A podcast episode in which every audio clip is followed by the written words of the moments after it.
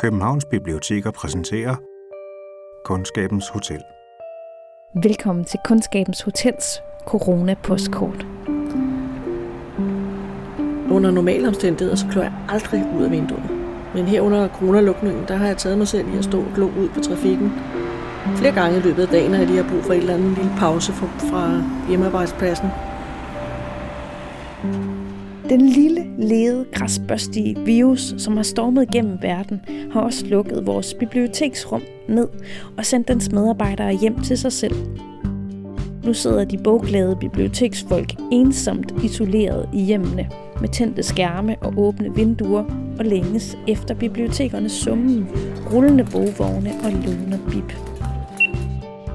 Men midt i den her underlige nedlukkede tid, opstår der en lille boble af plads til fordybelse. Det er et rigtig godt tidspunkt at sætte sig til rette i husets blødeste stol, finde en bog frem fra e-reolen eller sin egen støvede hylder, og lade sig rive med, blive rystet, begejstret, eftertænksom eller bare afledt og godt underholdt. Indtil bibliotekerne åbner igen sender Kundskabens Hotel en række lydpostkort fra dine hjemsendte biblioteksfolks private læsehjørner. Her sender de en lille hilsen og fortæller om en bog, der har gjort noget godt for dem under hjemmeisolationen. Første postkort er fra Berit Freiheit, stemmen bag bibliotekernes podcast Bag om København.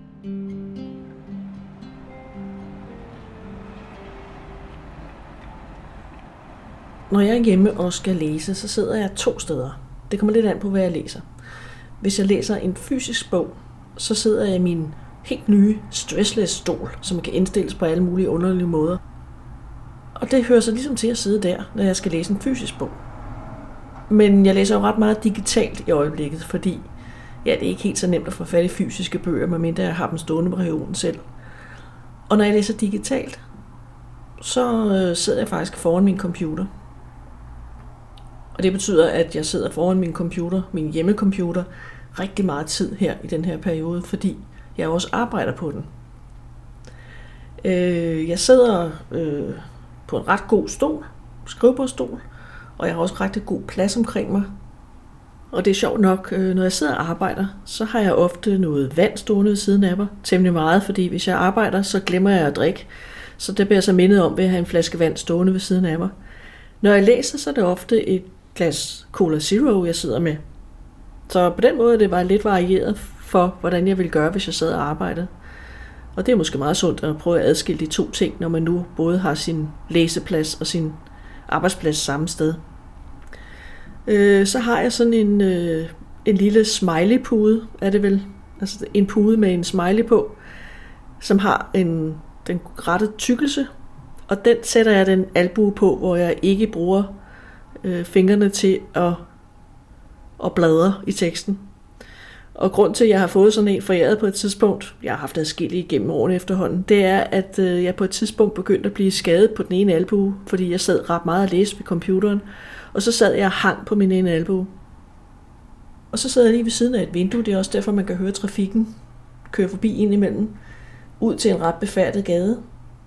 Og jeg har jo vendt mig til, at der er rigtig meget støj især når jeg har åbent vindue. Man kan godt mærke, at samfundet lige så stille er ved at åbne igen, for øh, i lang tid var der jo nærmest ikke en bil på gaden, men det er der nu, og det kan man også høre på den her optagelse. Så det er virkelig øh, det er en autentisk optagelse, eller optagelse af, hvordan det føles, når jeg sidder og læser hjemme med åbne vinduer. Men lige nu der er jeg så i gang med at læse øh, August Strindbergs selvbiografi det er svært at sige, selvbiografisk roman, En Doors forsvarstale, og den er fra 1888. Men det skal man jo ikke lade sig skræmme af. Den er ret god alligevel. Jeg skænker hende, skænker hende altid mine trøstende tanker, mit håb, ofte kunstigt, fordi mine kræfter er ved at være udtømt. Og modtager, udsuger min hjerne, forbrænder mit hjerte – hun har gjort mig til sin skraldebøtte, hvor i hun kaster alt sit affald, sine sorger, sine bekymringer, alt det mislykkede. Og midt i dette fuldstændige helvede lever jeg mit liv. Slæber mig frem i al min elendighed. Slider for en beskeden eksistens. Når hun besøger mig om aftenen, bliver hun sur, hvis jeg sætter mig til at arbejde. Så tvinges jeg til at spille et par timer under tårer og kys for at overbevise hende om min kærlighed. Kærligheden tolker hun som en uafladelig tilbedelse, slavisk underkastelse, fremborgende ofre.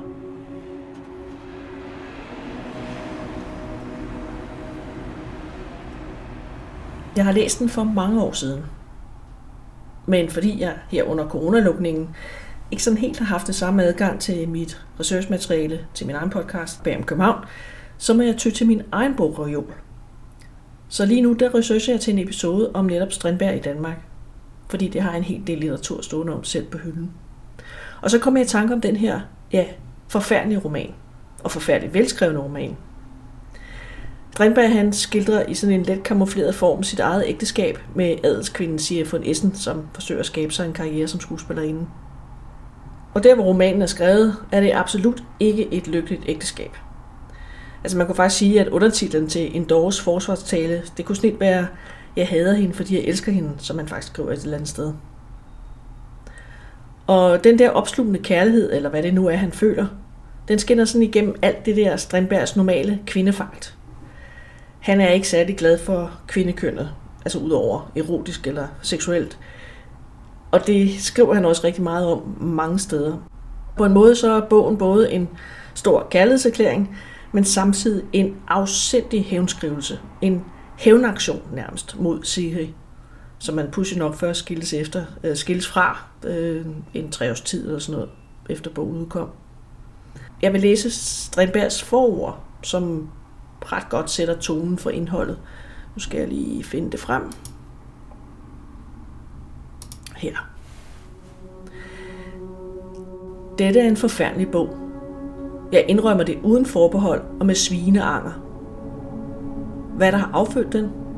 Et berettiget behov for at vaske mit lig, inden det skal stoppes ned i kisten. Jeg husker for fire år siden, at en af mine litterære venner, en svoren fjende af indiskretioner hos andre, bemærkede, da samtalen faldt på mit ægteskab. Du, her er et romanemne, som er skabt for min pen. Det øjeblik bestemte jeg mig til selv at skære min roman til. Næsten sikker på min vens billigelse. Ven, tag mig det ikke ild op, at jeg kræver min ejendomsret som første besidder. Jeg husker, hvad min fraskilte hustrus nu afdøde mor sagde for 16 år siden, da hun bemærkede mit blik hvilende på hendes datter, daværende friherreinde, der var i færd med at spille op til en gruppe unge herrer. Her, min herre, sagde hun, er et romanemne for dem, ikke? Med hvilken titel deres nåde? En fyre kvinde, svarede hun. Lykkelige moder, der fik lov til at gå bort i tide. Her har du fået dit ønske opfyldt. Romanen er skrevet. Nu kan jeg selv dø. Så selvom det lyder frygteligt, så er romanen enormt underholdende og til tider også morsom. Så kort fortalt er det en roman om et ægteskab på kollisionskurs, og selvfølgelig totalt ensidigt skildret af en mand, der virkelig har et skarpt intellekt, og måske også en anelse storhedsvandvid. Det gør hans skriveri til en fornøjelse at læse. Du kan låne en Doors forsvarstale af August Strindberg som e-bog på e-regionen og som fysisk bog, når vi åbner op igen. Kundskabens Hotel er produceret af Københavns Biblioteker. Mit navn er Anne Jeppesen. Vores track er lavet af Euclid Elms. Har du haft en god litterær oplevelse i coronatiden, og har du lyst til at dele den med de andre lyttere, så kan du sende den som en lille lydfil eller en besked til coronapostkort Vi lyttes ved.